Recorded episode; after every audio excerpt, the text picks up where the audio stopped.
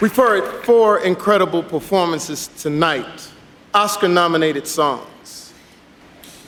And the Oscar goes to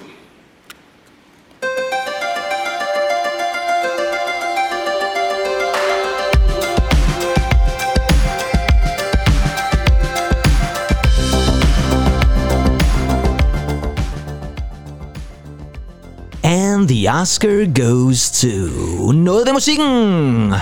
En podcast om kærligheden til god popmusik, og i dag også filmmusik. Og Andy, tænker du så ikke også, at vi om nogen havde så måske fortjent en Oscar? I den grad. Ja, det tænker jeg også. I den grad. Ja. Hvordan tror du egentlig, det er, sådan, når man står deroppe på scenen, når man bliver kaldt op, og så man kommer op, og så står man og kigger ud over alle de der folk, man er vant til at se i de der store Hollywood-film og så videre, som bare sidder og kigger på en. Og så skal man holde den der tale, inden man bliver spillet ud af orkestret. Det må være fuldstændig vidunderligt. Jeg tænker du ikke det? Og, og nogle gange, så, så tænker jeg også, du kan også bare selv gå derop og så varpe. Ja, så var på en eller anden en på siden af hovedet selvfølgelig. Ja, det er rigtigt, ja. Men jeg vil så sige det sådan, at det er jo ikke, fordi vi opfordrer til vold. Det synes jeg stadigvæk var en af de mest absurde episoder i Oscars historie. Og det havde jo ikke noget med musikken at gøre, kan man sige. G.I. Jane joke. Ja, ja. Og det var jo ellers en mand, som jo faktisk godt kunne have været nomineret til det, vi skal snakke om i dag. Fordi, Andy, vi har jo tænkt os i dagens afsnit at snakke om særlig en kategori. Fordi ja. Jeg vil sige det som, vi kunne godt have snakket om to kategorier. Fordi. Jo. der er jo også Best Score, som jo er soundtracket, altså lyden, mm. musikken til en film. Men vi har valgt at tage fat i Best Original Song, eller bedste ja. originale sang, som er altså en kategori, som øh, dukker op hver eneste år til Oscar-uddelingen, og som altså hylder den bedste mm. sang fra en film. Mm. Og Andy, hvad skal der til for at lave en god filmmelodi? Ja. Hvad skal en god filmmelodi kunne? Jamen, øh, filmmelodien, den skal jo kunne spille på vores følelser. Ja, Og så skal den i den grad jo passe til filmens øh, tema Ja. og øh, filmens budskab. ja. Og hvordan, øh, hvordan gør man Ja, hvordan gør man så lige ja, det? Mhm. hvordan gør man det? Fordi, lad mig tage et godt eksempel. Mm-hmm. Lad mig tage et eksempel fra, jeg tror vi skal tilbage til en 394. Ja. Streets of Philadelphia. Ja. Vidunderlig film. Ja, kan være, vi vender tilbage til det, måske. I know. Måske, og jeg ved også, måske, måske. har, ja, ja. Men, men, men lige præcis den sang, den har den her målstruktur, den har den her tyngde og dybde og melankoli, mm. som er med til at understøtte øh, films budskab om, omkring næseramte patienter. Jo, og så ligger der jo bare en masse, altså Streets of Philadelphia til en film, der Ja. foregår i Philadelphia, og hedder Philadelphia. ja, og, og håbløsheden i Ja. Bruce Springsteens øh, stemme. Ja. ja, det er sådan lidt opgivende ja, på en måde, det er sådan lidt Streets of Philadelphia. Ja, det er som om det hele er bare Ja, og det er bare så... Øh, overstået. Ja, og, og et eller andet sted, det, det skal nok gå, og verden går videre. og Sådan, noget. Der, der, sådan, sådan ting, mm, altså, det, det, det skal jo kunne... Øh, det, det, det skal kunne afspejle filmen. Ja, og det er jo det, der, jeg det, synes, der er det, lidt interessant. Hvordan gør man lige det? Ja, hvordan gør man lige ja. det ikke? Fordi så kan jeg også tænke på sådan en som Beverly Hills Cop, ikke? Altså, hvor du har Glenn Frey's The Heat Is On. Ja. Na, na, ja, ja. Det, som er et fedt nummer, og som jo et eller andet sted også afspejler film, men igen, den kunne også have været taget for alle mulige andre film jo et eller andet ja. sted. Jo, og, og så er der jo, øh, hvis jeg også må komme med et andet eksempel. Mm. Jeg ved ikke, om den var jo også nomineret, sådan så, men Live and Let Die, altså en gammel mm. Øh, mhm. James Bond-film. Ja, ja. Wings. Wings, Ja. ja. lige præcis. Ja, jeg siger McCartney, men det var jo rigtig nok Ja, Wings. ja, ja. ja. Den har jo klassisk McCartney-melodi i sig, Ja. og så har den jo altså også... Du, du, du, du, du, du, du, du, altså, Ja, der er sådan et godt og- tema og, i så, det, ja. Og så slutter den med det her nærmest spørgsmålsagtige tegn her. ikke? Ja, og jeg kan sige, at vi kommer faktisk også til noget James Bond til sidst i ja. udsendelsen i dag, så det kan være, at vi også lige skal nævne den igen der. Men egentlig, til at starte med, så skal vi ja, måske lige have slået fast, for der er nogle regler omkring Best Original Song, fordi det ligger jo også i titlen bedste originale sang. Mm. Det vil altså sige, det skal være en sang, som er skrevet specifikt til en film. Ja. Det må altså ikke være en coverversion for eksempel, og det må heller ikke være en sang, som er skrevet et par år før, og så, hov, den passer også lige godt til den her film, lad os lige få den med i den. Det går heller ikke. Mm. Den skal altså skrives specifikt til filmen. Og så er det i øvrigt også en sang, skriverpris. Det vil sige, at Oscaren, eller Oscarne, hvis der er flere, der har været med til at skrive sangen, gives til dem, der har skrevet musik og tekst, men ikke dem, der fremfører den. Og det vender vi altså tilbage ja. til, fordi der er altså masser af eksempler Ja, ja, ja, ja. i Oscars historie, hvor nogen har fremført nogle sange, altså store kunstnere, og Ja. de får ikke en Oscar, Nej, nej. fordi de har kun fremført den. Ja, ja. De har ikke haft noget med sangskrivning at Det er gøre. selve håndværkerne. Det er selve håndværkerne. Hvad tænker du egentlig om det? Fordi man kan også sige, der er jo masser af sange, som jo bliver fremført fantastisk, øh, men de får ikke nogen Oscar. Jamen, jamen, Er det i orden? jeg- jeg- Fordi det er jo også en form for skuespil, at man det jo, performer øh, sangen. Det, det, det er jo nærmest øh, en håndværkerforeningens uddelingspris, ikke? Ja, det kan man godt sige, ja. Best Director, ikke også? Jo, jo, jo. Altså, og, og, Jo, og der er jo også altid sådan nogle second unit directors sådan noget. Ja, De får ja. heller ikke Oscar'en. Det er jo Spielberg, der, der napper den selv. Jo. Ja, lige præcis. Eller et eller andet, ikke? Ja, jeg kan sgu godt lide det. Ja, ja, jeg, jeg godt, jeg, jeg kan godt lide det. Ja. Øh, en anden regel, det er jo, at sangen skal optræde i løbet af filmen. Mm-hmm. Altså, den skal simpelthen spilles i løbet af filmen. Eller så skal den være den sang, der starter creditsene. Men må den have en anden udgave? Altså må du bare loope et instrumentalt tema, for eksempel, for, for sangen? Eller skal, skal du have...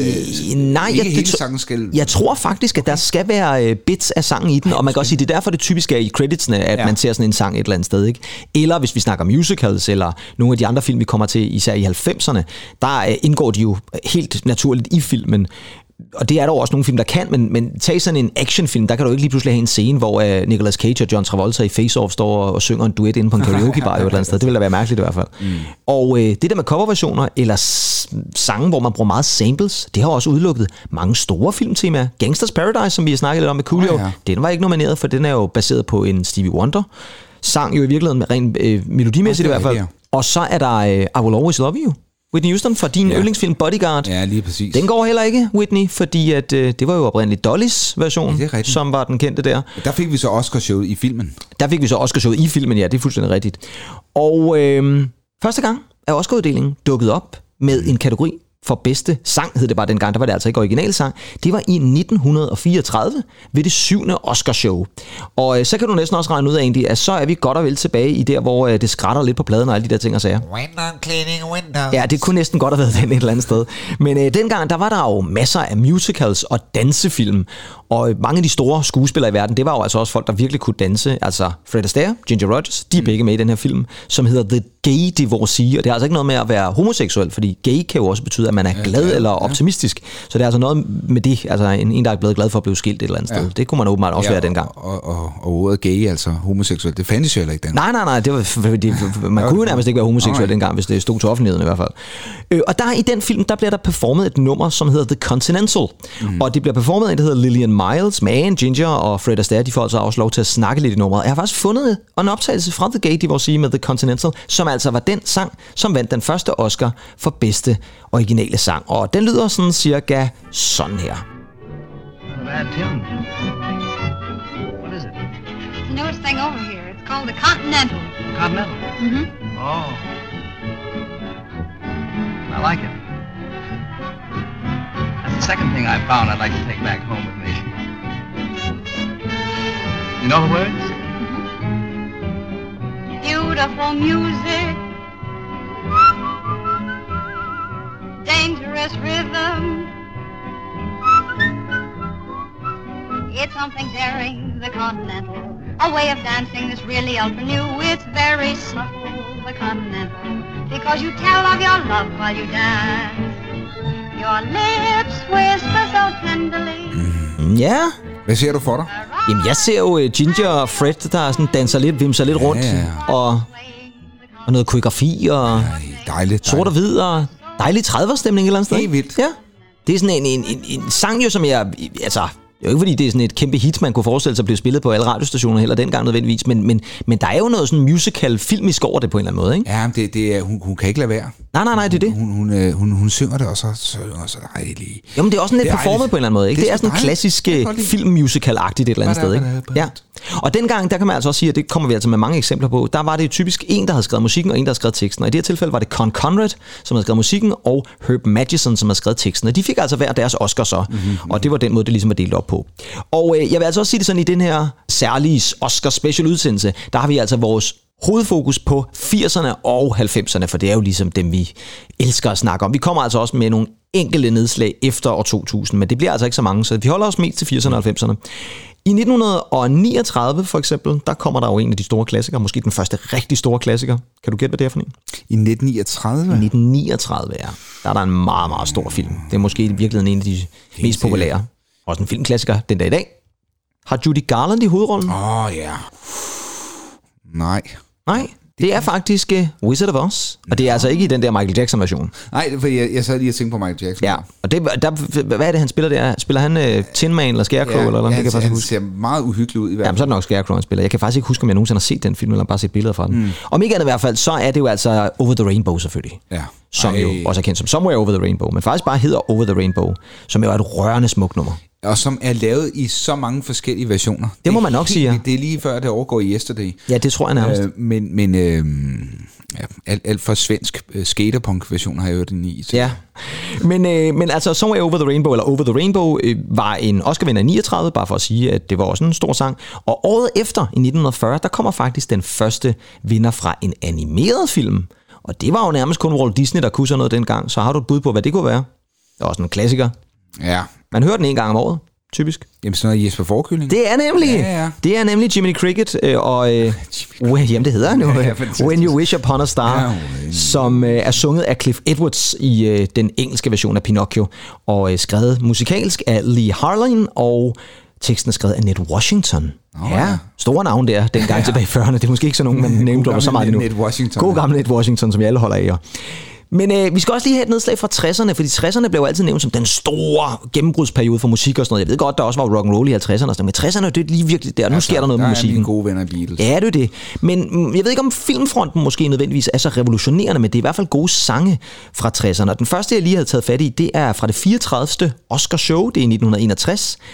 Der er der en film, der hedder Breakfast at Tiffany's. Mm-hmm. Har du set den? Ja, har jeg ikke, siger tøvende her. Nej, hvor, hvorfor sidder jeg og, øh, og forveksler med The Graduate?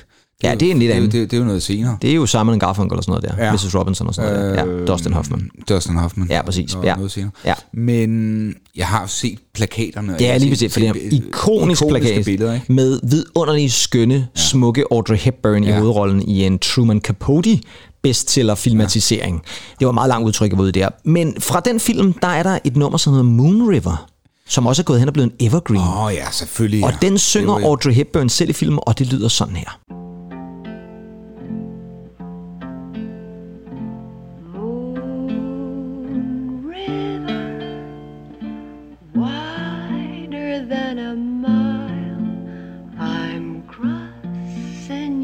In style someday. Old dream maker, you heartbreaker. Wherever you're going, I'm going your way. to drifters off to see the world. There's such a lot of world to see. Ej, Ej, men jeg elsker det nummer. Jamen, det er Henry så smukt. Ja, som har skrevet musikken, og så er det Johnny Mercer, som har skrevet teksten. Og der er jo altså også, nu nævnte du coverversioner lige før, der er lavet mange fremragende versioner af den her også. Men blandt andet en version af Louis Armstrong, som jeg holder enormt meget Ja, af den også. er skøn. Han synger den sådan ekstra godt, synes jeg. Og man kan også godt lige forestille sig sådan en, øh, en, regn, en søndags øh, regnværsdag. Ja. På sådan en støvet jazzbar, så står Stan Getz derinde. Ja, lige præcis. Jeg har bare spillet en instrumentalversion af den. Ja, det kunne man sagtens forestille sig. Jamen, det er smukt, og det er rørende, og det er igen også sådan et, der passer super godt til Breakfast at Tiffany's. Ja. Ved det 37. Oscarshow, der er vi i 64, der er der gået musical i den, og der kommer der en af de aller, aller største musical succeser, og den er faktisk lavet og skrevet øh, og udgivet, nej, den er ikke skrevet af, men den er udgivet af Walt Disney. Og øh, der har vi fat i Mary Poppins. Ja. Det er altså den første af dem, ikke den der nye version, der kom, eller øh, fortsættelsen var det jo i virkeligheden, for det var jo faktisk en fortsættelse af Mary Poppins, der kom her for nogle år tilbage. Stivbenet med paraplyen der. Stivbenet med paraplyen, men det er jo dejlige Julie Andrews, Ja, det som er- spiller Mary Poppins. Kan du huske, hun der spiller Scottens Fire Bird? Jeg jo ved at sige Blake Carrington, men... Okay, ja, det, det var jo sådan en fiktiv karakter et eller andet sted. Det ville være vildt, hvis han allerede havde været på spil dengang her. Det er Dick Van Dyke. Dick Van Dyke, Ja. ja. ja, og Dick Van Dyke er altså amerikaner. Ja. Og i den her film, der spiller han altså Bird, som er en britisk, en engelsk chimney sweeper, altså skorstensfejer. Mm. Og det resulterer i måske en af filmhistoriens dårligste engelske, britiske dialekter nogensinde optaget på film. Og øh, den, er, den er meget, meget udskilt, vil jeg sige. Men det er også bare sådan, Hallo, Mary Bobbins! Altså, det er nærmest en, over, det er nærmest Ej, en form for selvfølgelig, hate ja. crime, han laver der mod alle englænder. Men øh, om ikke andet, så kom der en rigtig god sang ud af det, som Dick Van Dyke faktisk synger. Og det er jo en sang, som øh, jo handler om, hvordan det er at være skorstensfejer. Og øh, du kender den udmærket godt mm. egentlig, for den hedder Chim Chimmery. Ja. Og øh, den er skrevet af Sherman Brothers, og den lyder selvfølgelig sådan her.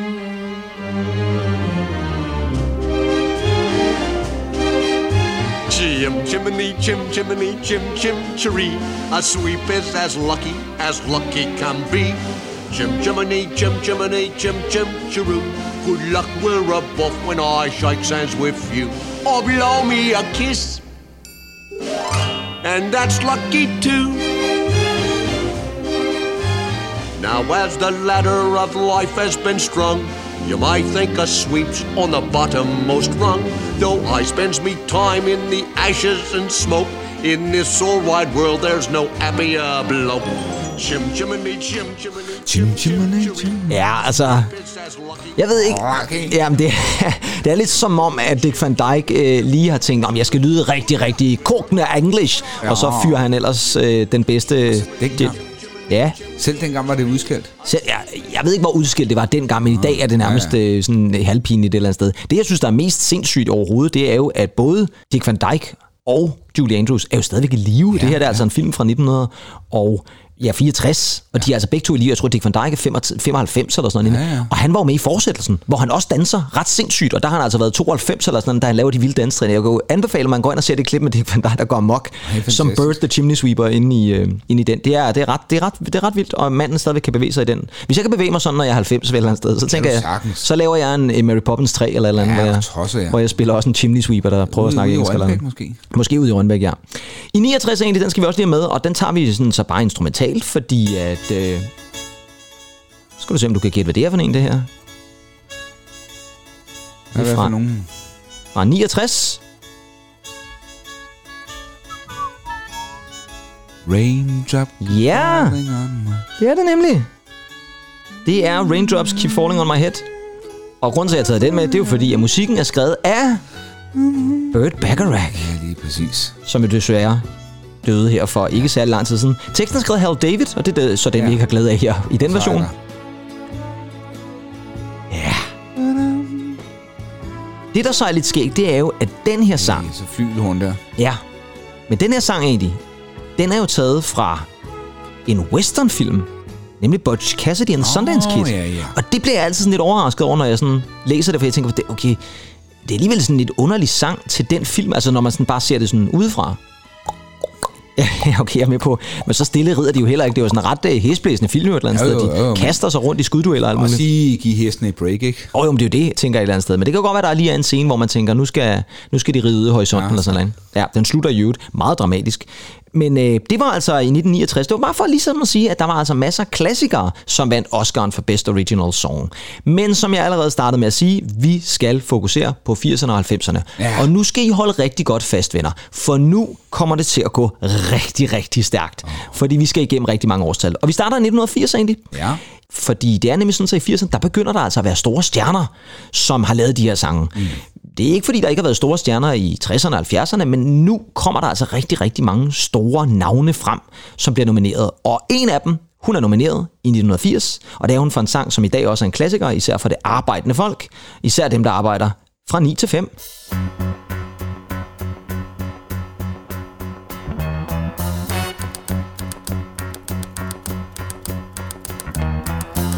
Out of bed and I stumble to the kitchen. Pour myself a cup of ambition and yawn and stretch and try to come to life. Jump in the shower and the blood starts pumping. Out on the streets, the traffic starts jumping with folks like me on the job from nine to five.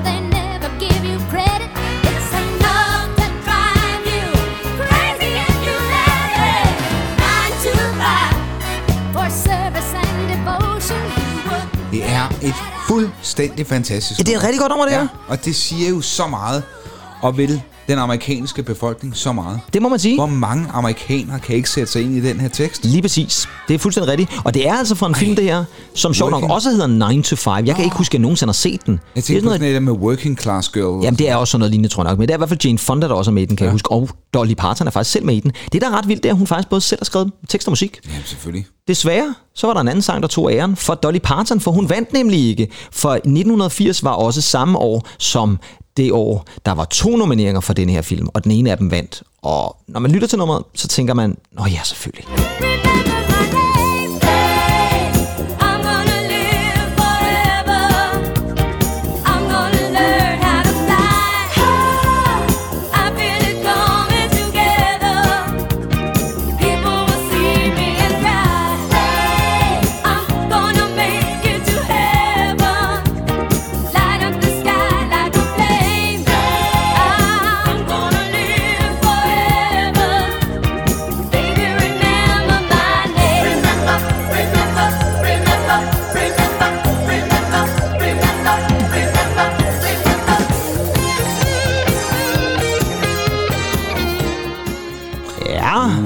On the verge to the 80s. Ja, vi er sådan lige på kanten? Sangen, eller 70'er sounden. Ja, den er faktisk lige præcis udgivet i 80. Om den så lige præcis skulle være skrevet i 79, det ved jeg ikke. Men den er udgivet i 80, ligesom filmen Fame, som altså kom der i 1980. Og ja, jeg synes også, det er sådan der, nu kan vi mærke, at 80'er-lyden begynder at sætte ind. Det er jo Irene Cara, som synger. Ja. sangen, og hun døde jo desværre også for ikke særlig øh, mange måneder siden, tror jeg det var.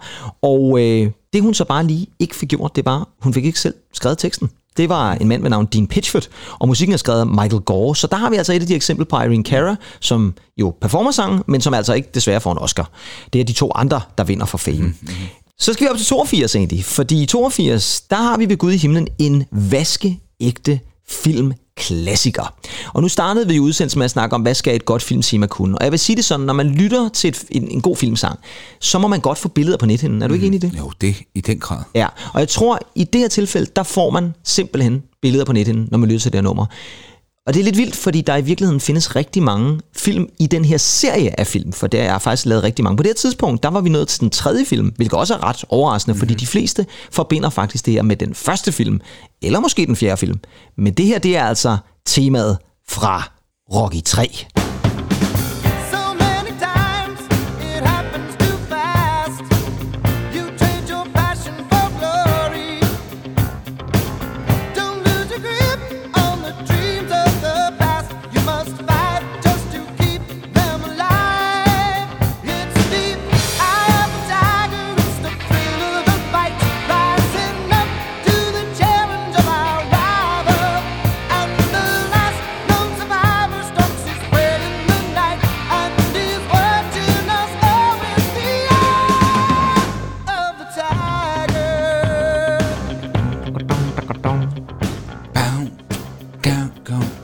det er jo altså...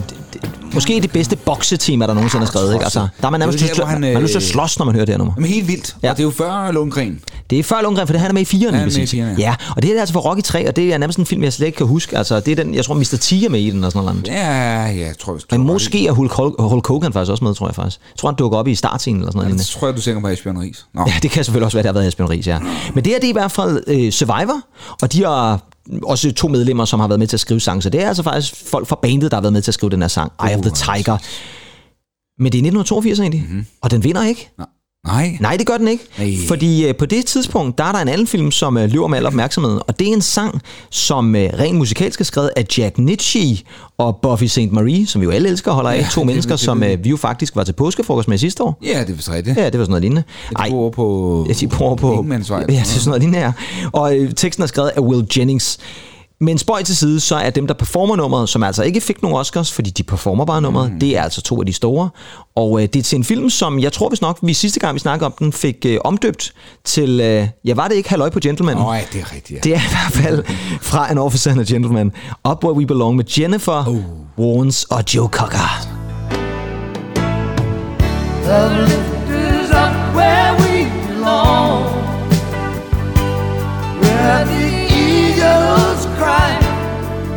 on the mountain high. The lifters up where we belong,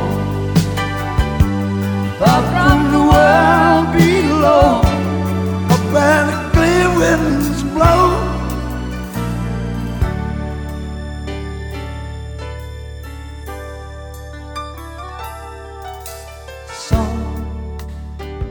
Ah, er. Ej. Og så er der i det. Ah, men det, det er jo så smukt. Så er der gang i Gentleman. Altså, er du tosset? Ej, der er virkelig gang i Gentleman. Ja, det skal jeg love for jer. Men egentlig, hvis du sådan skal afgøre det, så er det så fair, at det er den her sang, og ikke Eye of the Tiger, der vinder? er jo begge to gode sange. Det kunne sgu godt være, altså, tager du nu, øh, altså... Det er jo begge to klassikere. Jamen, det er begge to klassikere.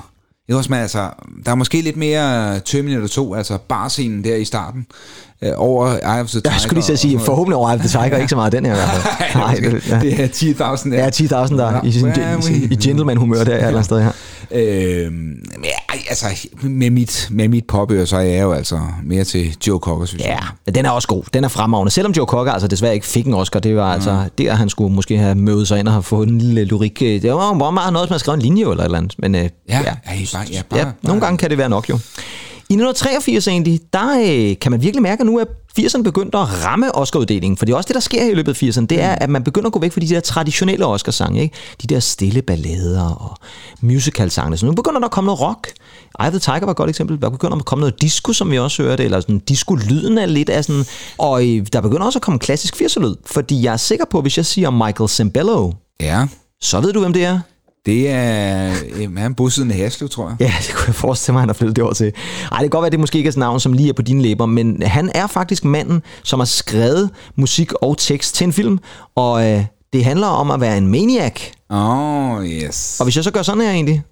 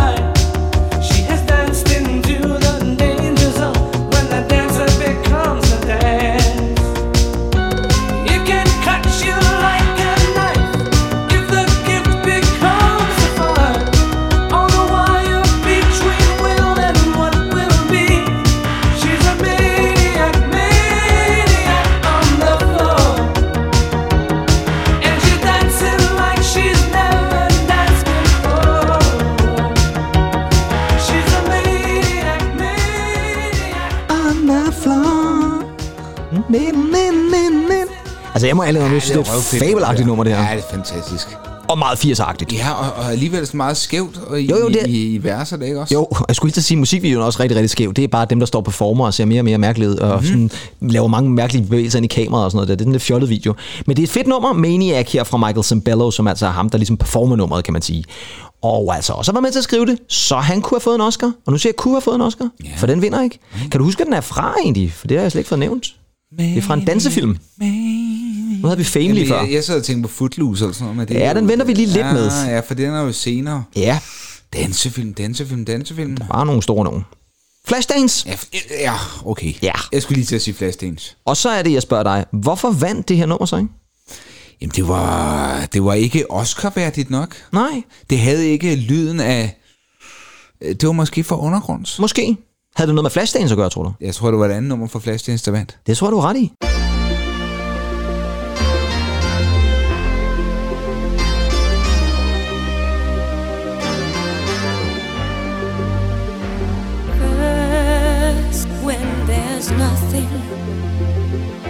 slow glowing dream that your fear seems to hide deep inside your mind. All alone, I have cried silent tears full of pride in a world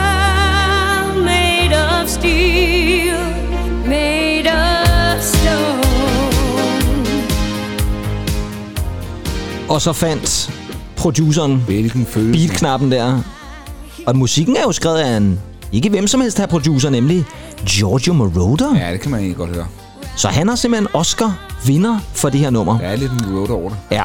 Omkvædet, det skulle egentlig også meget godt. Det er sindssygt.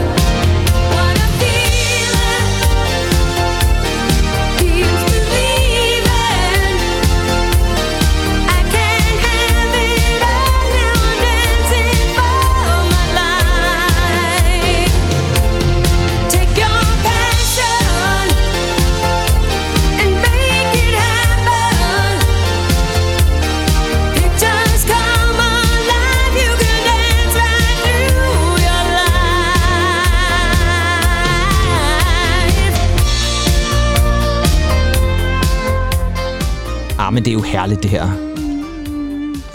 Det er altså også et godt nummer. Det er et sindssygt godt nummer. Ja, uh, og ja, ja. måske også den rigtige vinder af de to, hvis vi tager begge Flashdance-nummerne det, det, det, der. det er måske øh, mere, hvad kan man sige, kommercielt. Ja, eller, måske også lidt mere storladen et eller andet sted. Storland er nok bredere ud, ikke? Ja.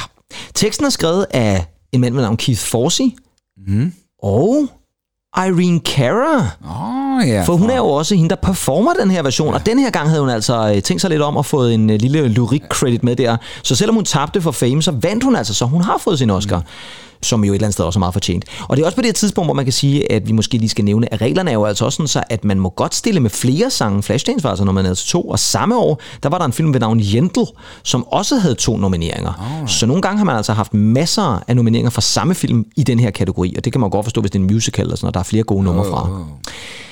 Og nu kommer vi så til det, Andy, fordi nu kommer dilemmaet. 1984. Det er jo et rigtig, rigtig godt år i musikhistorien. Mm-hmm. Sindssygt mange gode mm-hmm. 80'er tracks fra 84. Men sådan er det også ved bedste originale sang.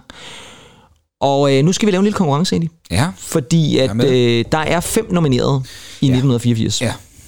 Og øh, alle fem er fremragende. Men skal spørgsmålet er så, Ja. Hvem er det så, der ender med at vinde? Mm-hmm. Og jeg har simpelthen gjort det, jeg lavede sådan simpelthen et lille medley. Så nu kommer der en lille bid af alle de sange, alle fem sange, Det- som var nomineret til bedste original sang i 1984. Og bagefter, så kan du altså komme et bud på, hvem det så var, du måske ud fra hukommelsen, eller et gæt. Ja, fordi det er Hvem var vigtigt det, der vandt? lige sige til lytterne, jeg har altså ikke snydt hjemme. Nej, nej, Jeg er nej. ikke en eller anden tv-konge. Nej, og det er jo også sådan igen, som man siger, du ved jo sjældent, hvad der, er, der foregår i det her program et eller andet sted. Eller, okay, det lyder måske lidt voldsomt, men uh, i hvert fald ikke i den her Ja, udsendelse. nej. Men uh, Andy, her kommer altså de fem nominerede fra Best Original Song i 1984. Now I gotta cut loose, pull loose,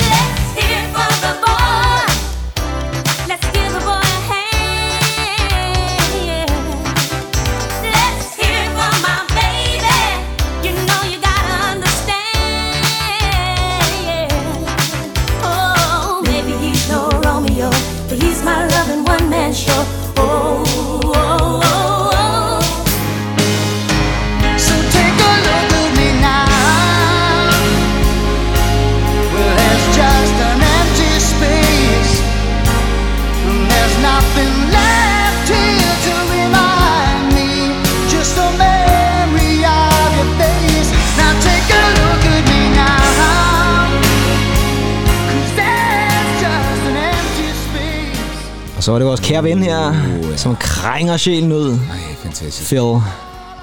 Ja, Andy Ved du Tennant. hvad? Jeg, Måske skal vi lige for lytternes laver- øh, skyld også lige sige, hvad det egentlig var, vi lyttede til. Fordi det var jo selvfølgelig til at starte med fra Footloose, som du nævnte lige før, Kenny Loggins og nummeret Footloose. Og så havde vi fat i Ray Parker Jr., Ghostbusters, som jeg faktisk synes er sådan et nummer, som jo bare passer perfekt til film. Altså, det er jo hele filmen indkapslet i en sang, jo et eller andet sted. Det kan nærmest ikke... særlig god film, vel? Jo, Ghostbusters. Filmen Ghostbusters. Jeg skulle lige prøve... Nu skal du da lige passe på, hvad du Ja, siger der, min okay, ven. okay, fordi og fornærmer du vores lyttere, tror jeg. Ja. Det er en fantastisk god 80'er-film, hvis ja. du spørger mig. Ja, okay. Og øh, så har vi jo, øh, eller så havde vi jo faktisk I Just Called to Say I Love You, som er Stevie Wonder, Mm-hmm. Og øh, et nummer, som vi jo tror nok har diskuteret, har den mest øh, kedelige danstopslutning nogen sange. Næ. Ja, det er sådan lidt flad på en eller anden måde. Gang, gang. Ja. Så havde vi øh, Let's Hear It For The Boy, som også er fra Footloose, mm. og øh, som jo er sådan et, nærmest sådan et latin freestyle-agtigt noget. Det elsker jeg, at de har nomineret det. Det er Denise Williams, der performer det. Hun har ikke skrevet det, mm-hmm. hverken lyrisk eller musisk, men hun performer det. Og så til sidst var det jo altså Phil Phil med Against, Against. Against All Odds, Take a Look At Me Now, som jo selvfølgelig både er skrevet musisk og lyrisk af Phil Collins. Så spørgsmålet yeah. Er egentlig, hvem vandt? Jamen, jeg prøvede jo at få dig lidt i fedtefadet. Fordi mm. hvis du sagde, at Ghostbusters havde været en ah, ikke særlig god film, og Nå. det synes offentligheden heller ikke. Jeg ved godt, det er en klassiker. Så øh, der, der... Altså, jeg vil sige, Phil Collins vinder jo senere af det 98. Kan være, vi vender tilbage til det. Ja, måske. Øh, Så jeg tror ikke, det er ham. Og jeg tænker heller ikke, det er fra Footloose, fordi vi har haft så mange dansefilm. Mm. Øhm, Så er du efterhånden kun en tilbage jo. ja, Nu må du udelukke Ghostbusters og Footloose og står der også, så er der Ja. ikke flere tilbage. jo, det er der jo. Og det kunne nemlig også godt være Ghostbusters, men det er alligevel ikke en klassisk Oscar-sang. Kunne det være... Det er nærmest lige så langt som en takketale til Oscar-uddelingen, du er gang i der egentlig. Nu spiller vi derud lige om lidt. Jeg, har aldrig haft held i spil. Nej, Øh, jeg, jeg siger Stevie Wonder. det er fuldstændig rigtigt. Ja. Og det er jo Yes. fra en film, der hedder The Woman in Red, Ja. som er med Gene Wilder og Kenny LeBrock. Og det er øh, jo selvfølgelig, selvfølgelig er det Stevie Wonder, fordi selvfølgelig skal Stevie Wonder have en Oscar. Det er jo klart. Jamen, altså, den mand har jo heller aldrig fået nogen priser. Nej, det tænker jeg ikke, han har. Jeg vil faktisk sige det sådan, hvis jeg skal være helt ærlig, så synes jeg ikke, det er et af Stevie Wonders bedste numre, det her. Overhovedet ikke. Nej. Overhovedet Men, øh, men det på en eller anden måde, så har det jo passet ind lige på det her tidspunkt i 80'erne, hvor man laver sådan nogle sange, som også er sådan lidt... Øh, den er jo sådan lidt elektronisk, og så alligevel sådan lidt Jo, det, er jo- afslappet det, er jo- det er casual. jo sjovt, mange af de kunstnere, så det har vi også tidligere snakket om, Mhm. mm. havde jo ikke en stor overlevelse i 80'erne, men Nej, han nej, nej. formår alligevel at komme op med et eller andet, Ja. selvom han er rundet af Ja, fuldstændig rigtigt. 50'erne og 60'erne. Ikke? Ja. Det, der måske var mest underligt ved Oscar-uddelingen der i 1984, som var det 57. Oscar-uddeling i øvrigt, det var, at øh, vi jo også øh, har haft øh, mange år nu, hvor at man performer numrene jo. Det har vi slet ikke fået sådan nævnt jo. Men det er jo sådan så, at i midten af 40'erne, der begynder man rent faktisk også at optræde med de numre, der er nomineret mm-hmm. til bedste originale sanger. Det giver meget god mening, for så får man lige sådan et musikalsk indslag i Oscar-uddelingen. Og i 1984, hvor alle de her gode sange er nomineret, så skal Phil Collins jo selvfølgelig også optræde med Against All Odds. Og nu kommer der så noget rigtig underligt. Ja. Fordi det skal han ikke. Fordi de amerikanske tv-producere, de ved ikke, hvem Phil Collins er. Det er sådan en ukendt mand, ham kender vi da slet ikke. Hvad, ham gider vi da ikke have til at optræde. Ham, der, så ham ved ingen, hvem er jo. Nej. Og det er altså på et tidspunkt, hvor Phil Collins altså har været forsanger i Genesis i en hel del år. Han har også lavet In the Air Tonight, og altså haft store hits. Jeg ved godt, det er inden Så jo. så Studio og alle de der gode tracks der et eller andet sted. Så Phil Collins han skal simpelthen lide den skæbne, at han sidder nede i publikum. Nej. Da en, an- en anden går på scenen og laver det her.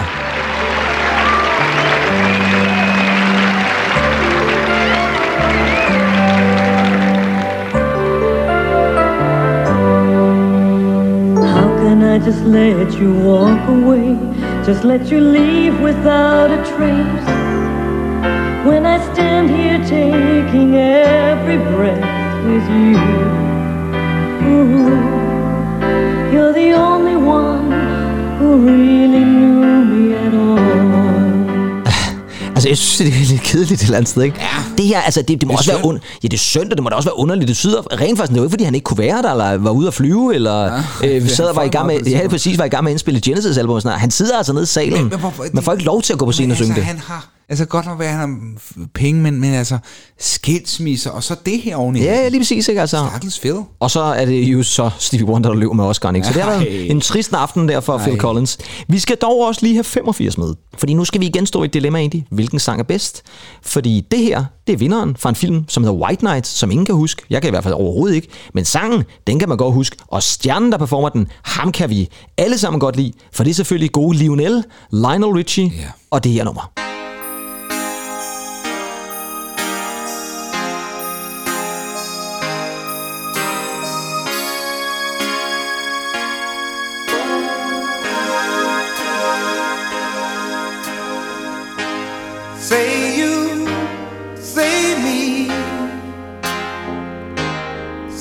Always. That's the way it should be. Say you, say me, say it together naturally.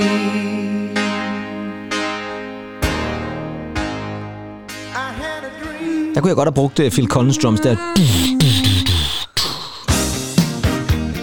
Den her var også nomineret egentlig.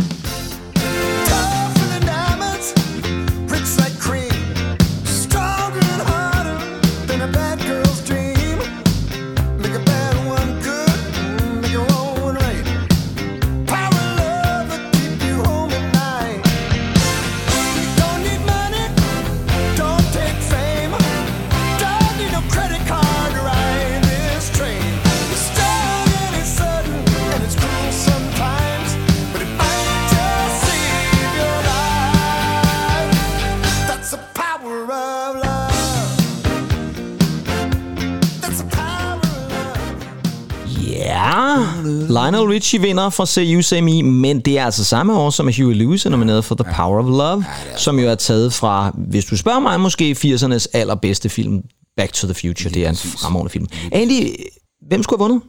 Er det fair nok, at Lionel vinder? Altså, begge numre er jo fremragende numre. Det må man sige. Det, det synes jeg. Ja. Men, men, men jeg synes også godt, der må være lidt, lidt sprænd og lidt gang i gaden. Øh, jeg synes nogle gange, det bliver de her klassiske... Så du har det her i uh, electric piano Ja, ja, start og sådan noget, Ja, også, ja, ja. Og, og masser af rumklang. Jeg synes også, det andet her, det kan noget. Ja. Jeg synes, øh, den store forskel for mig, det er, at Back to the Future og Huey Lewis, The Power of Love, Jamen, det- dem kan ja. du ikke skille ad. Overhovedet ikke. Det er igen det der med billederne på nethinden. Ja, Ja. Det får jeg altså ikke til den der White Knight, som jeg overhovedet ikke ved, hvad er for en film. Ikke. Altså, det er jo er super godt nummer, men, nummer. men hvis, jeg har, ikke, har aldrig forbundet det med en film, må jeg ærligt indrømme. Altså, man kan godt mærke sådan lidt, lidt, lidt silkeblødet øh, Åh, wow. og Ja, ja, bestemt ikke. Ja, ja. Sikkert ja. også nogle, nogle frække scener der, som ja. man lavede i 80'erne. Men, men, jeg, men jeg synes et eller andet sted, at den her, den er bare mere ikonisk i forhold til film. Ja. Så derfor har jeg det jo lidt sådan en forkærlighed for den anden, og så har det måske også lidt at gøre med, at jeg virkelig, virkelig, virkelig godt kan lide Back to the Future. Det er et fremragende film, Ja, og igen også et fremragende nummer. Jeg kan virkelig godt lide Lionel Richie. ja, det kan jeg altså også godt lide. Ja, ja. Det er ikke, fordi jeg kan lide Lionel Richie. Men, øh, men det er rigtigt, og det er rigtigt nok, som du siger, det er begge to gode numre. Ja, det er det. altså. Ja. I øh, 1986, bare lige hurtigt for at nævne det, der vinder øh, Berlin med Take My Breath Away, som jo er fra Top Gun. Ja, ja. Den spiller vi altså ikke. Nej, nej. Vi har spillet den før. Ja, jo, men øh, det er måske bare lige for at nævne, at øh, musikken er skrevet af Giorgio Moroder. Ja. Så der vinder han faktisk en anden Oscar. Det er ret vildt at tænke på, at Giorgio Moroder faktisk har vundet så mange Men Oscars. det er alligevel lidt sjovt, fordi det synes jeg rigtig, man kan høre øh, den der klassiske Marauder. Ja, men han er også gået lidt væk fra Ja. det der babadabadabadabadabadab, Ja. så er det mere sådan det der øh, måske synth-agtige, Ja, der ligger ja. i det, ikke? Men i 87, der gør vi altså lige et stop, og det er ikke for at skulle spille vinderen, fordi vinderen det år, det er fra en film med navn Dirty Dancing, Ja, og så er det selvfølgelig det kender vi jo godt, det nummer. temaet Time of My Life. Men øh, vi skal have en af de andre nomineret, fordi der begynder der nemlig at øh, ske noget lidt interessant. Fordi at øh, vi har jo før snakket om den gruppe, som hedder Starship. Ja, Ja, og sidste gang vi snakkede om den, der var det jo for at spille We Built This City, ja. som jo er en af verdenshistoriens mest udskældte numre. We built this city. Ja, et af de mest hadede numre. Det er et glimrende nummer, synes jeg faktisk, og det fortjener ikke at være så hadet. Og det sjove er faktisk, at så lavede de jo et andet nummer, øh, det- som de så udsendte der i 1987, nemlig det nummer, som hedder Nothing's Gonna Stop Us. Og det blev også et stort hit. Men igen, en, fra en film, det var jeg faktisk ikke klar over. Det er en film, der hedder Mannequin. Og øh, nu spiller jeg lidt af den, og så øh, skal jeg også nævne bagefter, hvorfor jeg synes, det er et ret væsentligt nummer at tage med. Let 'em say we're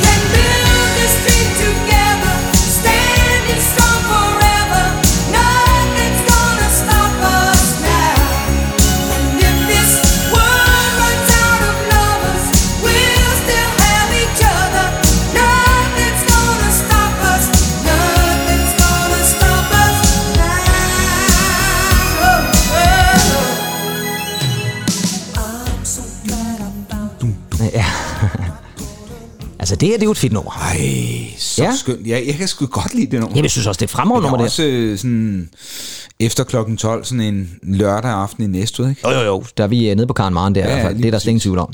Men øh, det her var altså nomineret uden dog at vinde, for det var altså Dirty Dancing, der vandt. Men jeg har taget det med alligevel, fordi musik og tekst er skrevet af en, der hedder Albert Hammond. Ja, det ved vi godt, hvem er. Det ved jeg ikke, hvem er. Jo, det der er faderen til øh, Albert Hammond Jr.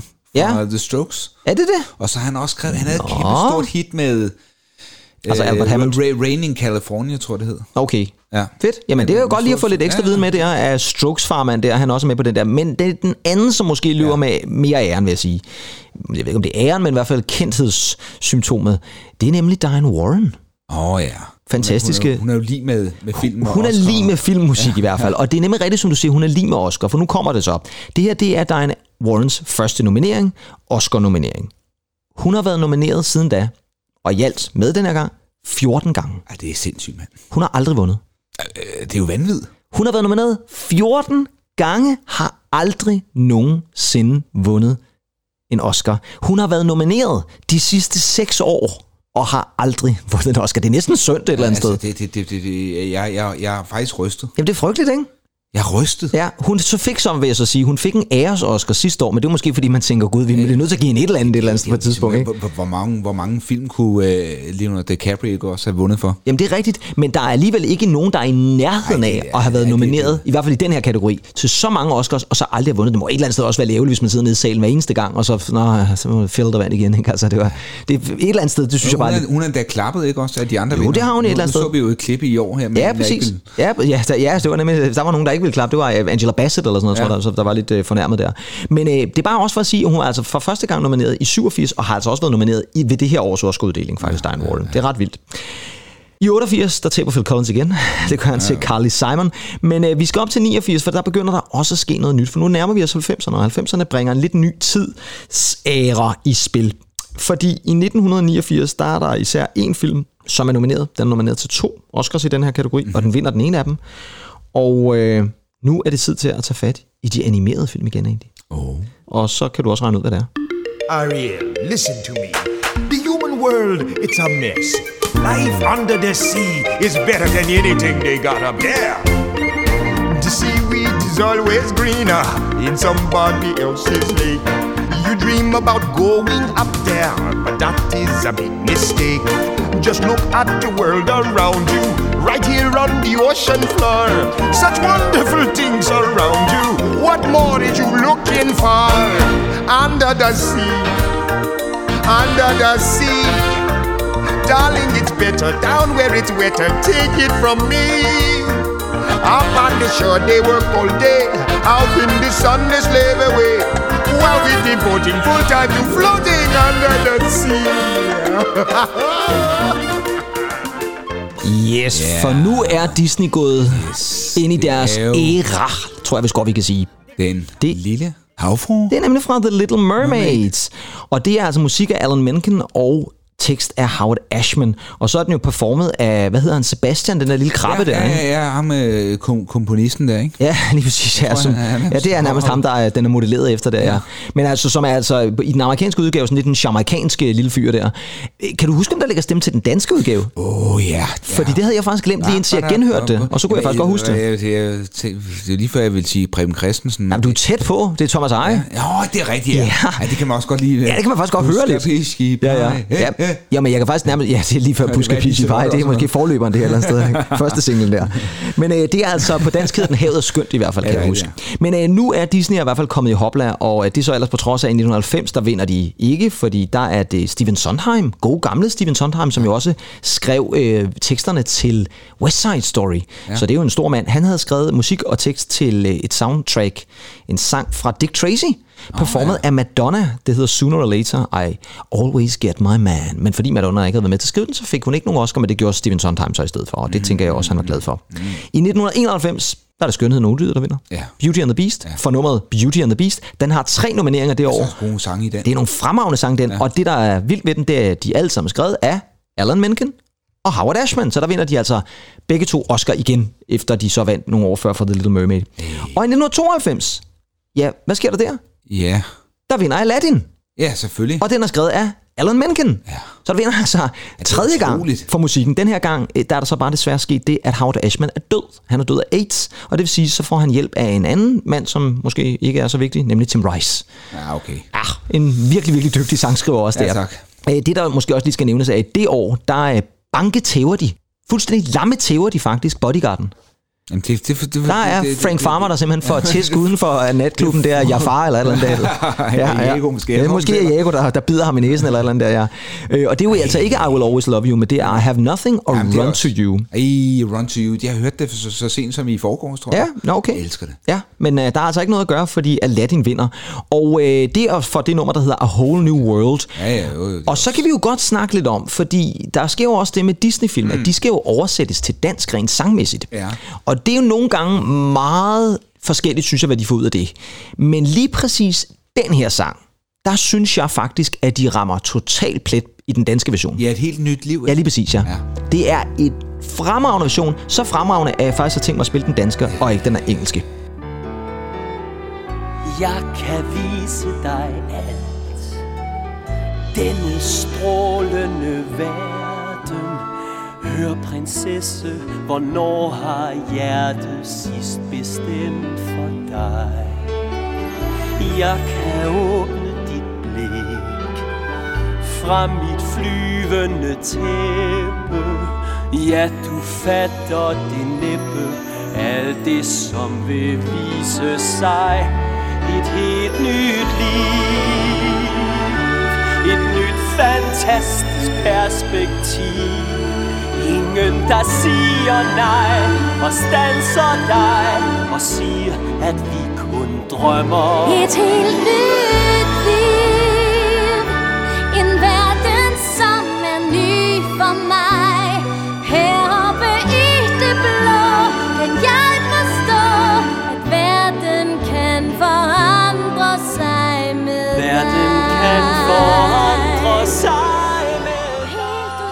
Abu. Ja, lige præcis. Jamen, det, er jo, det, det, det er jo meget musicalagtigt, det her, men Jamen, gud, er det da også bare smukt. Jamen helt vildt. Jeg sidder og tænker på, det er jo nok sådan en som Lars Thiesgaard eller sådan noget, der skal besvare det spørgsmål. Men, men man får vel øh, musikken tilsendt af, af Disney, eller, eller indspiller man det på ny? Og så, Nej, jeg er rimelig sikker på, at man får Ja. ja. et uh, instrumentalt Ja. ja. track af Disney, og det er jo meget hemmelighedskrammerisk, sådan noget der. der Ja. ja. må, man må nærmest ikke sige noget til nogen som helst. Det er helt nej. vildt. Og så jeg tænker, de er sikkert, uh, hvad hedder han, Søren Lavnbjerg og Louise Nordby, tror jeg hun Ja, ja, de har er sikkert været lukket inde i et eller andet lokale et eller andet sted, og så, så, så har de bare lyttet til det, og så må de, ja, syng nu bare her et eller andet sted. Altså. De, de har været som, som nævning i en amerikansk retssag. Det er lige før et eller andet sted, ja. Men øh, et, et rigtig, rigtig godt. Og igen synes jeg også, det, det, det er altså vigtigt at tage med, at det er ikke bare lige at sætte sig ned og øh, oversætte sådan en Disney-sang. Og jeg mener faktisk også, det er sådan noget med, at når de så oversætter teksten, så skal den sendes til Disney Ja. og godkendes som Jo, jo, værende god nok. Ja, og de skal jo også godkende øh, stemmer og så videre. Ja, de skal kan- give stemmer, ja, sådan noget. Ja. Ja. Lige præcis, ikke altså. Det, det ja. tror jeg ikke, det er ikke bare noget, man lige kommer igennem. Jeg kunne også godt have sagt, nu snakker vi jo lige om Bodyguard, der blev overgået. Øh, Beauty and the Beast faktisk, der øh, var det jo også øh, det år, hvor Brian Adams var nomineret for Everything I Do, I Do It For You. Men han tabte altså. Så det er altså nogle gange nogle af de store stjerner, som må øh, lide et stort nederlag. Det er altså de store tabere, om man så må sige. Så er vi nået til 93 egentlig, og øh, du har faktisk allerede nævnt det, fordi 93 er jo det år, hvor at Spielberg løber med det hele for Schindlers ja. List og Jurassic Park. Men på musiksiden, ja. der er det filmen Philadelphia. Ja. Og øh, det er jo Bruce Springsteen, der vinder mm. for Streets of Philadelphia. Mm. Og som vi har nævnt før, det er også derfor, vi kommer ikke til at spille det, fordi vi har spillet faktisk Streets of Philadelphia mange gange, og vi har faktisk også spillet den anden Philadelphia, så Ja. det er jo Neil Youngs version. Hvad tænker du, altså når, når så øh, Bruce Springsteen og Neil Young, de mødes derom i baren efter sådan en Oscar der, tror du så, de kan stå og kigge og sige, ja, tillykke med det, Bruce, det, eller tror du, Neil Young har været sådan lidt, ah, den kunne jeg sgu godt have tænkt mig. Jeg, jeg tror faktisk, at Neil Young han har været noget knæven. Ja. Han har med at skælde ud på musikere. Ja, lige præcis. Ja, jeg kan godt forestille mig, at han har skyndt sig væk eller et eller andet Ja. der. Ja. Altså, Det er jo begge to gode sange, vil jeg det, sige. det, det, er jo, det er jo vidunderlige sange, begge Ja, det er to. det. Ja, Øh, og Neil Youngs er jo også fantastiske. Jeg, Meget rørende også, ja. der, der er måske et eller andet med, at den er mere filmisk, Bruce Springsteens version. Det kan jeg måske dig lidt i. Bruce Springsteens sang. Ja, det er jo også en ære, som man plejer at sige, at være nomineret, men, men, det, det vil jeg da også nok men, også sige. men der er jo et eller andet med, at man står i historien som værende vinderen, det er jo også bare noget andet. Husk dengang, vi havde Sniper Awards for Ja. mange år siden. Ja, ja, Måske. gamle. Ja. Og der, bare det der med, at han var, var nomineret til en Sniper Awards, det var lige så, næsten lige så fint som at Det, det er som at vinde, det vil jeg nok sige, det var helt sikkert. Sniper nomineret. Den er jo be- bekræftelse og Ja. beting, og Sniper Akademiet, der har Ja, sagt god for ja, det, og det det- synes jeg da nok, vi skal, skal stå et slag for. I 1994, der er Disney tilbage igen. Tim Rice Ja. får lov til at skrive en tekst. Og Elton John. Han får lov til at skrive noget musik. And can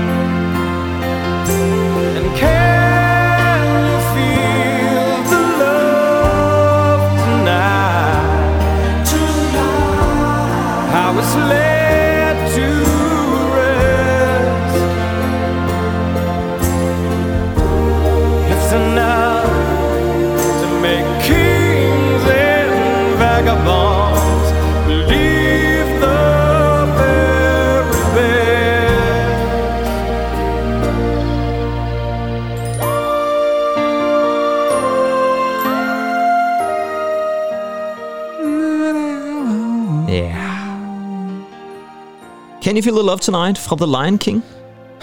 Ja, Det er skønt. det er et dejligt nummer, ja. Og, ja. og jeg må sige, altså, Disney, de sidder på, på magten her. Altså, hvis de ikke allerede har gjort det, så, gør de det i hvert fald i 90'erne. Men der er som om, der, der har de jo også fået den der renaissance igen. De laver fantastiske film, og så er musikken bare, altså, jamen den er fantastisk. Ja, ja. Samme år, der er Elton John og Tim Rice jo altså også nomineret for Circle of Life, Ja. og Hakuna Matata. Ja, så de er altså tre sange, der er nomineret. Og det kan jo nogle gange godt være lidt farligt, fordi hvis folk ikke er enige om, hvad for en af sangene, man skal stemme på, så kan det jo rent faktisk godt være, at ingen af sangene får stemmer nok mm. til at vinde samlet.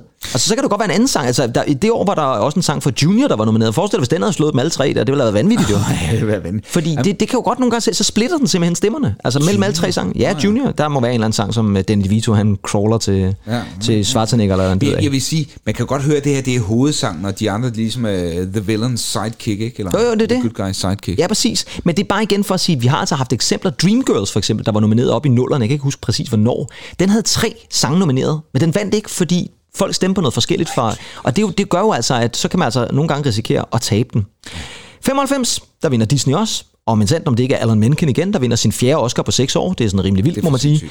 For øh, et nummer, der hedder Colors of the Wind, den her gang er teksten skrevet af Steven Swartz. I 96, der vinder Tim Rice igen, denne gang for tekst, sammen med Andrew Lloyd Webber, som har skrevet musikken til Evita. Og det er jo så der egentlig, jeg tænker, hvordan i alvideste verden kan et nummer for Evita vinde, når nu det er en musical, den er baseret på? Det må den jo ikke.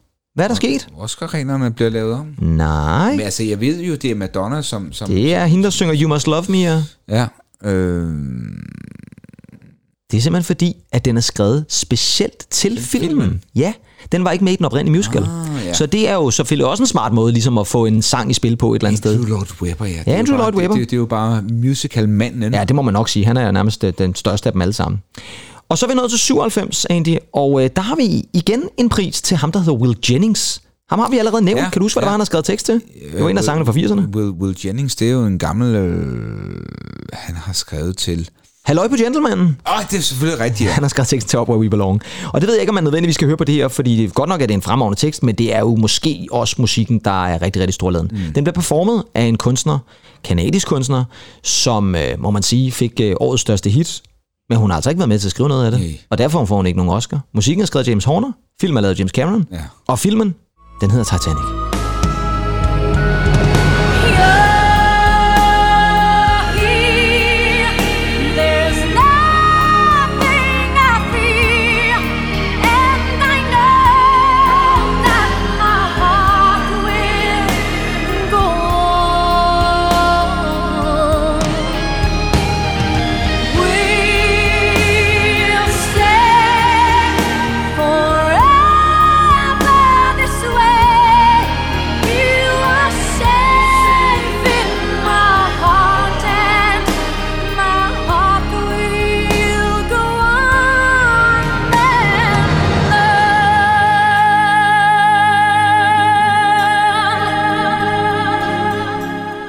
Ja, Nej. den leverer hun meget godt, den der. Jamen, det er altså... Men det er igen også et rørende nummer, som det- jeg det- får billeder af på nettet, ikke? Altså, jeg får altså- et, en båd, der synker, og uh, det er frygteligt, det der. Ja, ikke? ja, lige præcis. Ja. Will know. Ja, Will Og det ja, var åh, altså gud, ikke ja. Will Jennings. Nej, det var ikke Will Jennings, nej, selvom øh, måske han har skrevet et eller andet tekst, som ikke, og så råber James Horner simpelthen, Will know! Another Ja, lyric der et eller andet sted, ja. Der er lidt Diane Warren over den her sang. Hun er faktisk nomineret samme år for How Do I Live, den der Leanne Rimes sang. Ej, men den er, også fremragende, men den taber altså til det her nummer. Det er frygteligt. Ja, det er det faktisk lidt. Året efter, er Diane Warren også nomineret. Øh, der taber hun så for I Don't Wanna Miss a Thing med Aerosmith, som, Ej, det er også et vidunderligt som er nummer. et fremragende nummer, men taber til en øh, sang, som er taget fra den der The Prince of Egypt, den der animerede film, som er skrevet af Steven Swartz, som også var ham, der havde øh, skrevet Ej, en af de andre. Så nu nu du også lige Jamen, det er det. en gang. Jamen, nu bliver det... Hvad har de imod Diane Warren? Hvad er de imod Diane Warren? Men det er i hvert fald, øh, hvis man laver animeret film, og hvis man ikke er Diane Warren, så, øh, så skal man have Oscars et eller andet sted. Og i 1999, som er det sidste år, vi tager fra 90'erne, der er Disney selvfølgelig tilbage igen. Og tredje gang er lykkens gang. Men inden at det så bliver lykkens gang, så er der faktisk en film, der er nomineret det år fra en anden animeret film. Fordi men sanden om ikke filmen South Park, Bigger, Longer and Uncut Ja. også var nomineret. Og det tror jeg, der var folk, der havde lidt bange anelse over for, fordi den er jo nogle gange øh, kendt som værende lidt grovkornet. Helt vildt. Ja. Kan du huske det nummer, der hedder Uncle Fucker? Øh, Den kunne også have været nomineret et eller andet sted. Den var indstillet. Den var så ikke nomineret. Det er måske ikke så overraskende. Men det var der altså en anden sang fra South Park-film, der var. Og øh, så kom problemet jo, fordi man skal jo spille sangene til Oscar-uddelingen. Altså, medmindre man er Phil Collins, så tager man en kvinde ind, og Ja, så gør hun det. Men hvad gør man lige med en South Park-film, hvor der bliver bandet og svoglet osv.? Jamen, øh, man øh, sender Robin Williams ind på scenen med et stykke tape for munden.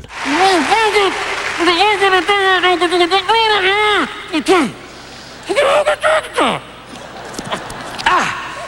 Oh my God! They killed Kenny! Times have changed. Our kids are getting worse. They won't obey their parents. They just want to fart and curse. Should we blame the government or blame society? Or should we blame the images on TV? No, blame Canada! Everything's gone wrong since Canada came along. Blame Canada! Blame Canada! We need to form a full assault! Don't blame yourself for your son Stan. He saw the darn cartoon and now he's off to join the clan. And my boy Eric once had my picture on his shelf, but now when he sees me, he tells me to myself. Blame Canada, blame Canada, because when Canada is gone, there'll be no North Celine Dion. Blame Canada, blame Canada. They're not even a real country anyway. Ja, der lagde det jo kimen til deres senere store musical-karriere. Ja, det må man nok sige. Men jeg synes altså også, at udover Blame Canada faktisk er et rigtig Ej, godt nummer, fantastisk. så er det jo genialt tænkt af producerne at tænke, jamen hvis vi skal Ja, den her er- til at gå an, så er vi nødt til at tage Robin Williams, fordi han leverer den jo bare Ja, et eller andet ja, ja, sted. Og han er fantastisk i den performance. Der står performer laver nærmest spjæt og alt muligt andet. Ham savner jeg så meget en gang imellem. Det må jeg ærligt han, indrømme. er jo, han er jo ikke længere. Nej, det er han altså desværre ikke.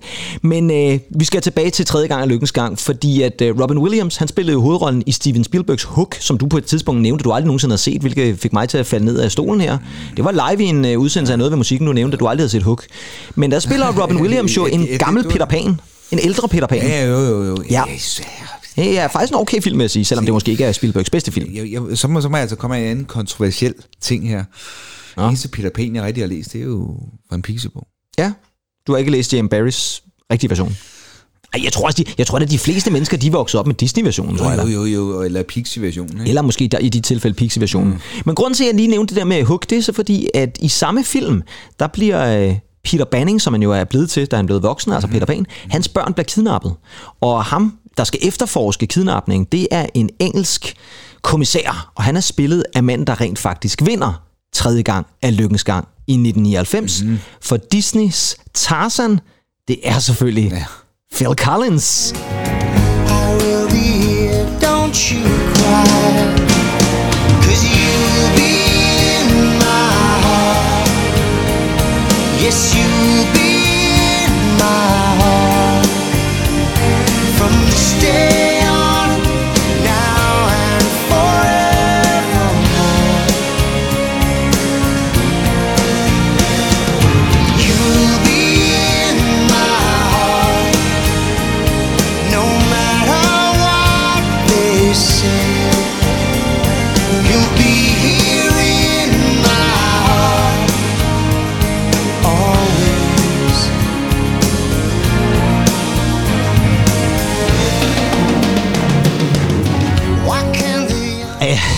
hun, Hvem, hun spiller trommer? Hvem hun spiller trommer på det nummer, ja. Det er selvfølgelig Phil selv. Han får altså sin Oscar tredje gang endelig, og er meget glad, som, sådan, som jeg husker det. Ja, det er fantastisk. For en film, som, ja, altså jeg synes jo ikke, det er en af de bedste Tarzan-film. Jeg ved ikke, det er en af de bedste Disney-film, faktisk det vil sige. Det er måske ikke en af de bedste Tarzan-film, men, men øh, den er jo ikke lige så øh, klassisk hit Nej, nej, som nej. Lion King og Aladdin og sådan noget. Nej, nej, nej, nej. Men okay, altså Phil Collins, han fortjener alt æren. Og øh, så er vi faktisk øh, jo nået forbi 80'erne og 90'erne, og det gør faktisk, at nu har vi faktisk ikke særlig mange nedslag tilbage, for så kan vi jo blive ved. Ja, og øh, ligesom et rigtigt Oscar-show, så er vi jo nærmest allerede gået over tid. Det gør Oscar også et eller andet sted, så det passer meget godt. Jo. Men vi skal alligevel have et par nedslag egentlig, fordi i 2000, altså i året 2000, der sker der det, at en dansker er nomineret til bedste originale sang. Det er for at skrive tekst. Ja. Og øh, det er den eneste gang, det er sket, at en dansker var nomineret i den kategori, sådan som jeg husker det. Kan du huske, hvem det er? Det er i øvrigt et år, hvor at Bob Dylan ender med at vinde for en sang fra Wonder Boys. Det er ikke en mand, man typisk forbinder med musik, vil jeg sige. Jeg sad og tænkte på Kjell Haik, han har jo skrevet så mange tekster. Derfor... Ville alligevel være vildt, hvis Kjell Haik havde fået en Oscar-nominering. Det er det ikke, nej. Det er Lars von Trier. Nå, Ja, ja. for. For Dance on the Dark. Han, han har simpelthen skrevet Nå. tekst til I've Seen It All med Bjørk. Nå, okay. Ja. Ja, for jeg skulle lige sige... Ja, Ja, og det er simpelthen derfor, at- og det er jo et eller andet sted også en lille bit smule trist for Lars von Trier. Den eneste Oscar-nominering, han nogensinde har fået, det er for musiktekst. Altså, det, det er jo også mærkeligt et eller andet sted. Men det er altså simpelthen sandheden. Han var nomineret, men taber altså så til Bob Dylan. Så skal vi altså også lige over til 2002, den 75. 20. Oscar-uddeling. For der sker der også noget historisk i den her kategori.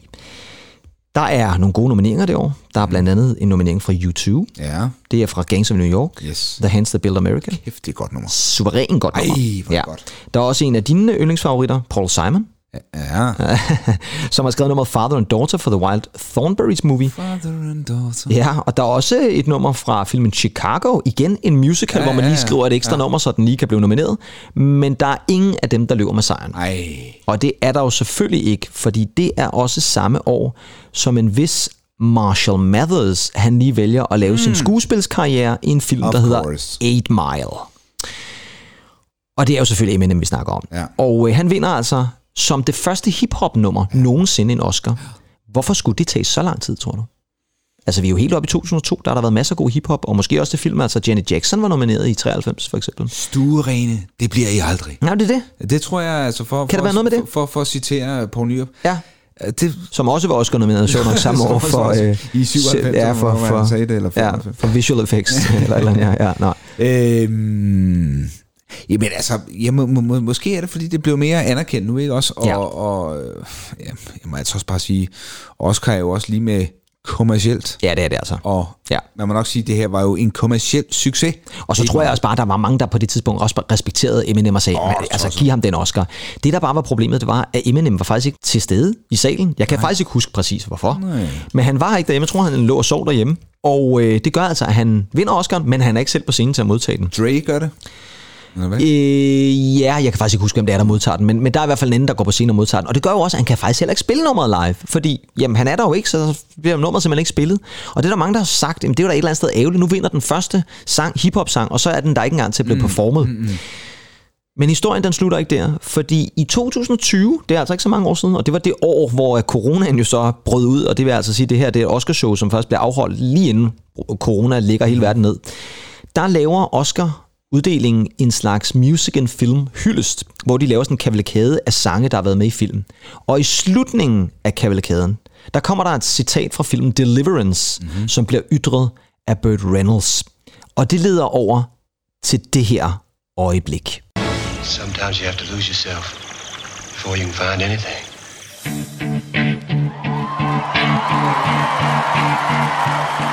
Everything you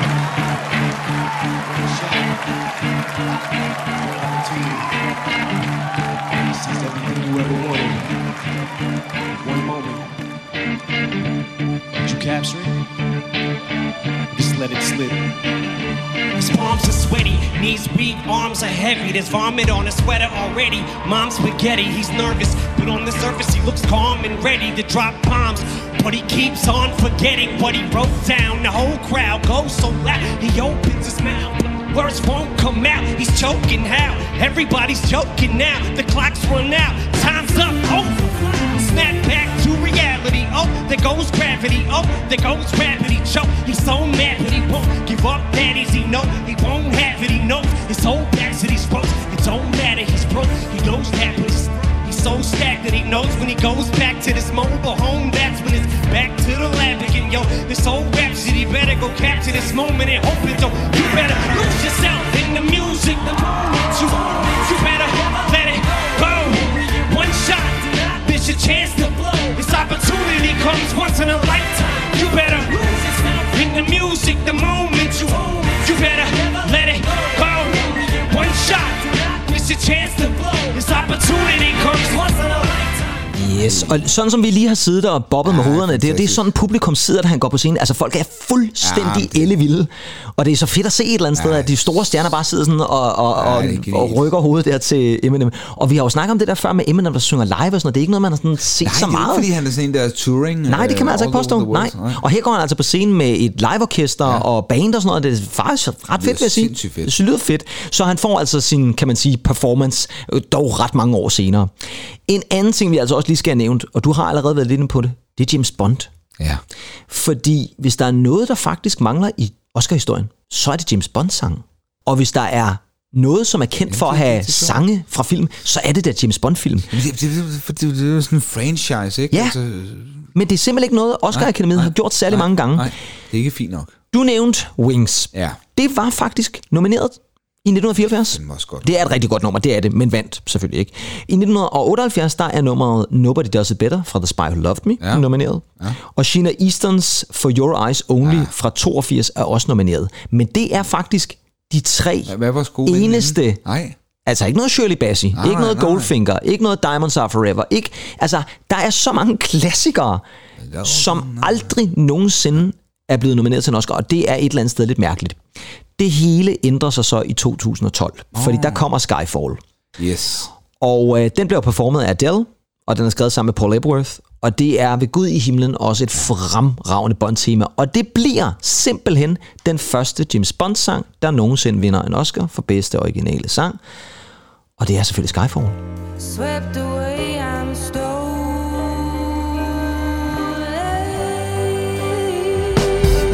The sky fall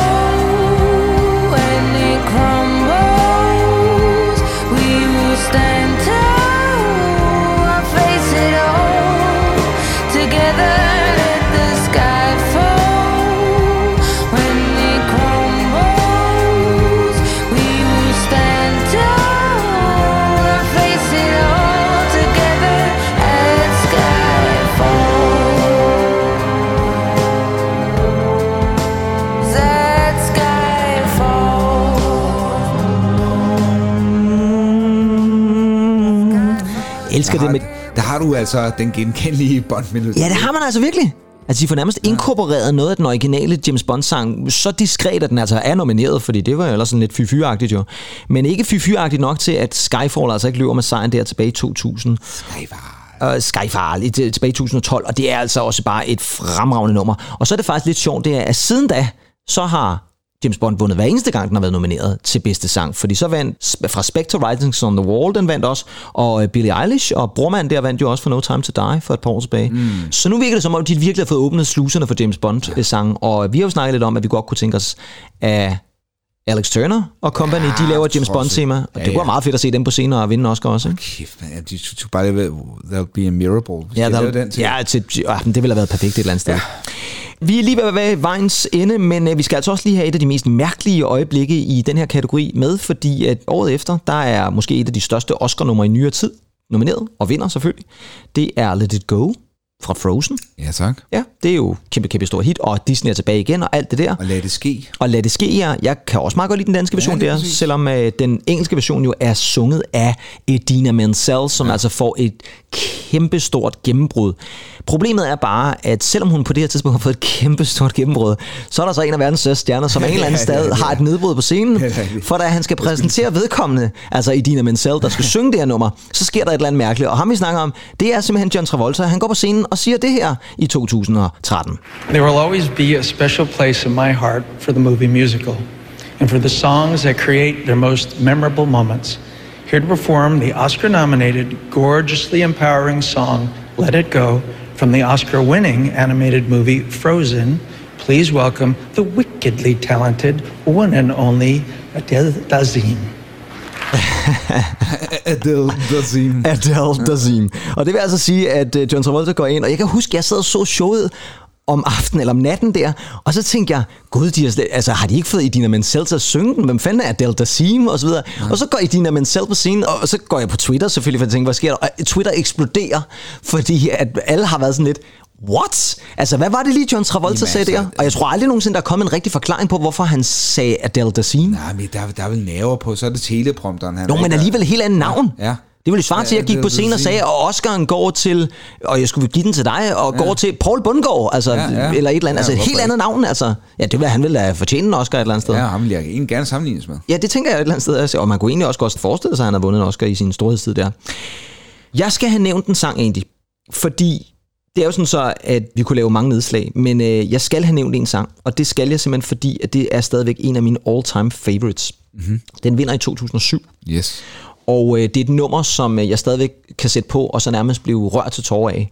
Det er fra en lille bitte film, og det er især derfor, jeg synes, det er fedt, at den vandt. Fordi det er en film, som er indspillet for cirka 120.000 dollars, så det er jo ingenting. Mm. Og man vinder en Oscar for en film, der kun har kostet 120.000 dollars. Det, det er helt vildt. Det er en irsk film, lavet af en instruktør, der hedder John Carney. Mm. Og øh, han er kendt for at lave sådan musikalske film. Noget, som faktisk typisk indgår sange i øh, hans film. Og hans første rigtige film, det er en film, der hedder Once. Oh, ja, og i 2007, der er den nomineret til en Oscar, og øh, de to, som performer nummeret, spiller også med i filmen. Det er Glenn Hansard fra bandet The Frames, og så er det hans veninde og tidligere kæreste, Marketa Iglova, som er tjekkisk mm. skuespiller, sangerinde, musiker, og øh, de spiller altså, kan man sige, nogle variationer af dem selv i den her film. Og det er en gudesmuk film, den er super rørende, den er dejlig musikalsk, og temaet, som heldigvis vinder en Oscar, det er måske den Oscar, jeg har været mest glad for, og det er ellers på trods af Enchanted. Enchanted Ja, ja, ja, Disney-filmen er nomineret samme år med tekst af Steven Schwartz og musik af Alan Menken. Ja, ja, Den har nu tre nu nomineringer, men den vinder ikke en eneste, og det er jeg glad for, fordi så kan jeg nemlig sige, at det her det er en Oscar-vinder. Det er selvfølgelig Falling Slowly. Will you have suffered and warred with yourself? It's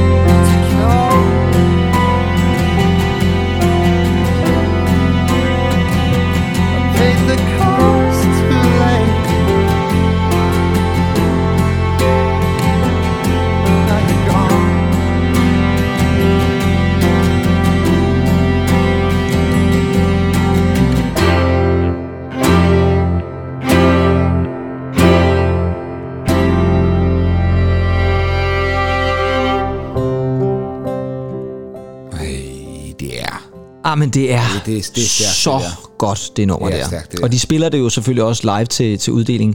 Og der sker faktisk et ret stort øjeblik også, da de får Oscar, for så går de op og laver deres takketale. Men på det tidspunkt, der har de jo indført den her øh, ret mærkelige regel, at man har 30 sekunder, og så begynder de simpelthen bare at spille så spiller de simpelthen en ud. Og det gør altså, at Glenn Hansard når at få sagt en masse ting, og så starter orkestret, og så går der, de går direkte til reklamer. Det vil sige, at Marketa Iglova, hun får faktisk slet ikke sagt et ord. Mm. Efter reklamepausen, så går verden John Stewart så på scenen og siger, prøv en gang, lige før, så øh, vandt øh, de her to dejlige musikere en pris. Og Marketa, hun nåede faktisk ikke at sige noget. Og nu vil jeg gerne invitere hende tilbage på scenen, så hun kan få gjort sin takketale færdig. Det er fantastisk øjeblik, Ja, ja, og det er så stort, at han, at han gør det, fordi det sker aldrig nogensinde. Så, så det er dobbelt op, vil jeg sige. Og øh, apropos det der med at gå over tid, så kan man da vist nok Ja, ja, sige. tak. Men det er sådan, det skal være egentlig, Sådan fordi når vi snakker Oscarsangen, så skal vi gå over tid. Og jeg kunne også godt tænke mig at slutte med et nummer. Og vi spiller hele nummeret, fordi det er et nummer, alle bør kende. Fordi det er jo altså desværre også sådan, så nogle gange, så er der sange, der ikke bliver nomineret. Og jeg vil godt spille et nummer, som ikke blev Oscar-nomineret til bedste sang, men burde have været det. Og vi bliver faktisk ved en film, som John Carney har lavet, fordi han laver også den film, der hedder Begin Again. Det er ham fra Maroon 5, som jeg lige nu ikke kan huske, hvad hedder. Uh, Adam Levine. Adam Levine, ja, og lige Keira. Knightley, der er med i Ja, den. ja. Den var nomineret. Også for sang. Ja. Men hans tredje film, som faktisk lige før måske er hans bedste, det er en film, der hedder Sing Street. Oh, den kom i 2016. Og det er ved Gud en film, der handler om musik, for det handler om den her unge gut Connor, som bor i Dublin, og som starter på en skole, og så vil jeg gerne lave en band. Og han bliver hele tiden inspireret af sin bror, fordi han spiller nogle gode plader for ham. Han spiller for eksempel et nummer med Duran Duran, og så laver de et nummer, der lyder lidt Duran duran Ja, ja, ja.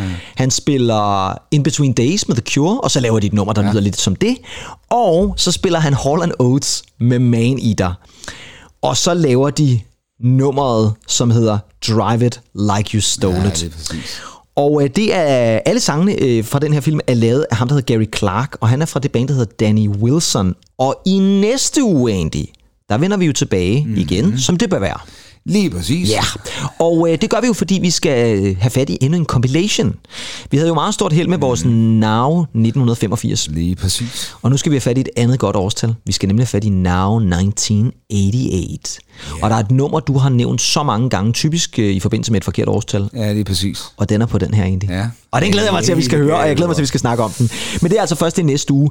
Og der vender vi altså også tilbage til Gary Clark, fordi vi skal slutte på en god måde. Vi skal altså slutte med det her nummer fra Sing Street, som hedder Drive It Like You Stole It. Men Andy, tak for en fantastisk øh, Oscars-sangs gennemgang. Vi har jo Jamen, været altså, det, meget det, igennem. Det, det, det er jo fantastisk og vidunderligt også at kunne være en del af ja, den her musikalske rejse, som der nu er i Oscarshowene. Ja, og det er nærmest en takketale, vi er i gang med lige nu, ikke altså? I, endnu en gang. Hvem vil du takke, hvis du stod på scenen? Jeg, jeg, jeg, jeg tror, jeg vil, vil, vil, vil takke øh, rødderne i Månstrup. Ja, the good, the good old hood. Ja. Ja. ja. Jeg tror måske, jeg vil takke dig i et eller andet omfang. Ja, men... Ja. Men jeg bliver ikke nævnt i din Nå, kamera. det er så også nok. Så, øh, om ikke andet i hvert fald, så kan jeg jo så stadigvæk prale af i næste uge. Måske stadigvæk at hedde Kim Pedersen. Det kan du i hvert fald, og jeg kan jo måske stadig prale med at hedde Andy Tannund. Yes. Og indtil vi lyttes ved igen i næste uge, så slutter vi altså også på toppen. Her er det altså Sing Street Bandet fra filmen Sing Street og Drive It Like You Stole It.